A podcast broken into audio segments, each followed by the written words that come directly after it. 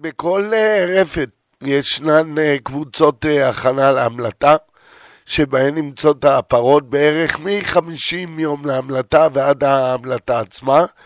בכל רפת החלוקה היא אחרת, אבל ברובן תקופות ההכנה מתחלקת לשניים, החצי הראשון של היובש בקבוצת היבשות והחצי השני בקבוצת ההמלטות.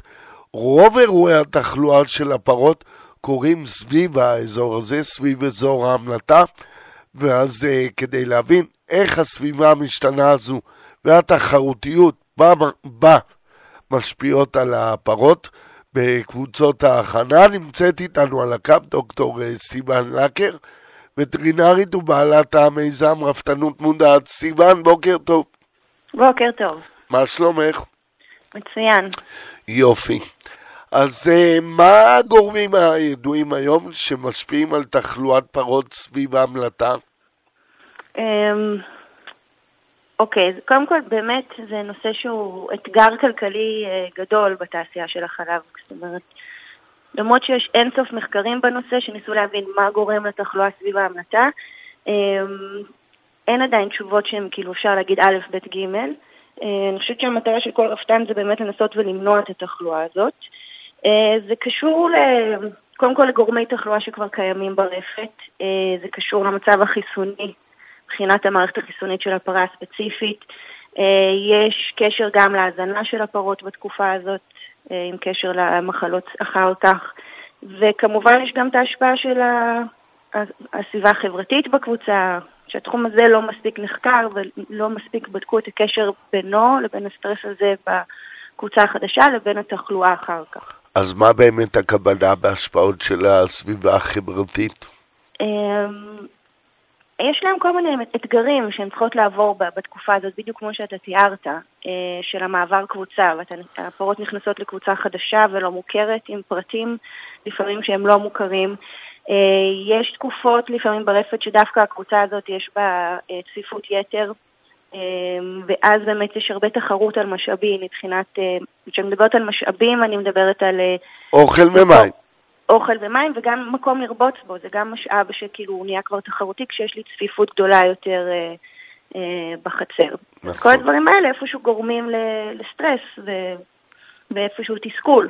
ואיך מודדים את זה? אמ, יש כל מיני דרכים למדוד השפעות של uh, סביבה חברתית של מלחיצה ומתסכלת, כי יש לזה בעצם השפעות שהן פיזיולוגיות שאפשר למדוד אותן. Um, יש ביומרקרים שמעידים למשל על הסטטוס המטבולי או הסטטוס הדלקתי של הפרות. Um, נגיד מצאו קשר בין החומצות שומן לנטיפות, שאם יש עלייה שלהם זה איזשהו אינדיקטור למצב המטבולי ולניוד של שומנים בגוף. מצאו קשר בין זה לבין תחלואה אחרי המלטה. Uh, עוד מדד שאפשר למדוד זה גורמי דלקת שונים, כמו ציטוקינים שהם חלבונים מאותתים שגורמים לתגובה חיסונית דלקתית, גם את זה אפשר למדוד. Um, זאת אומרת, ככל שהסביבה שלי יותר מלחיצה, יותר צפופה, יש יותר uh, דברים שהפרות צריכות להתמודד איתם, אז אני אצפה לראות עלייה במדדים האלה, ויש גם כל מיני מדדים התנהגותיים שגם אותם אפשר למדוד. מה לגבי הנושא של ההשפעה הסביבתית, החברתית עצמה? היא נחקרה? כן, כן, זה נחקר, וטוב התחיל, שהתחילו לחקור את זה, כי יש לזה השפעה. אמ, יש מחקר אחד שבדק באמת ההשפעה, מה קורה לפרות כשהן נמצאות בסביבה שהיא, שהיא תחרותית, סביבה משתנה, לא יציבה, כל פעם אה, יש להם שינויים בתוך הקבוצה, והם בדקו את הקשר בין זה לבין אה, תחלואה, אה, ניסו לבודד באמת את, את העניין הזה, זאת אומרת ההאזנה הייתה קבועה, פרות היו באותו סטטוס, ואז הצליחו באמת לבודד ולראות את העניין הזה.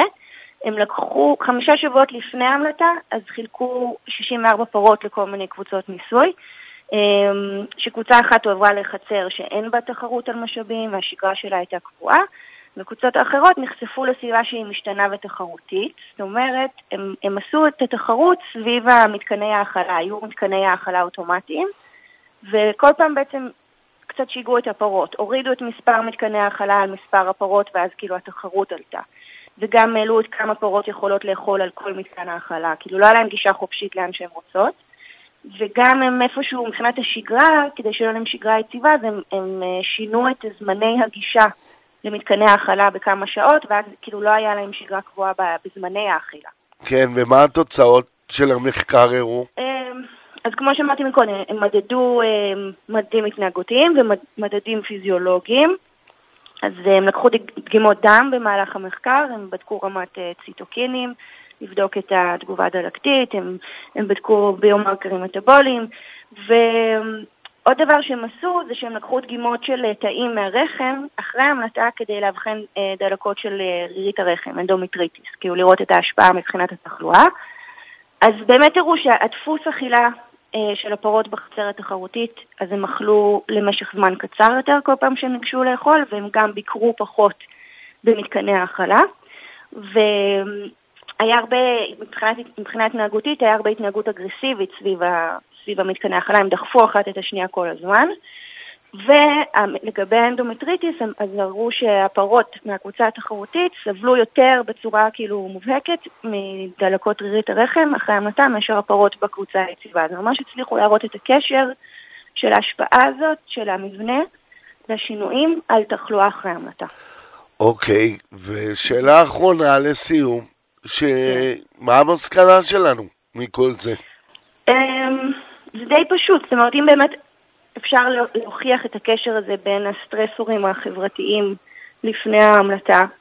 אמ, אז, אז אני צריכה לנסות אה, למזער אותם או למנוע אותם כדי לשפר את המצב הבריאותי. אמ, זה פשוט על ידי זה שאני מנסה שלא יהיו לי קבוצות אה, צפופות בתקופה הזאת, לוודא שלכל פרה יש מספיק מקום לרבוץ, גישה חופשית לאבוס, מספיק שקטות על מספר פרות, ו... את המעברי קבוצות, לנסות שזה לא יהיה פרה אחת שמגיעה לקבוצה חדשה, אלא לנסות להגיד נכון. כמה פרות מהקבוצה הקודמת שיהיה לקבוצה החדשה, שהם יהיו להם כמה חברות שהן כבר מכירות מהקבוצה הקודמת.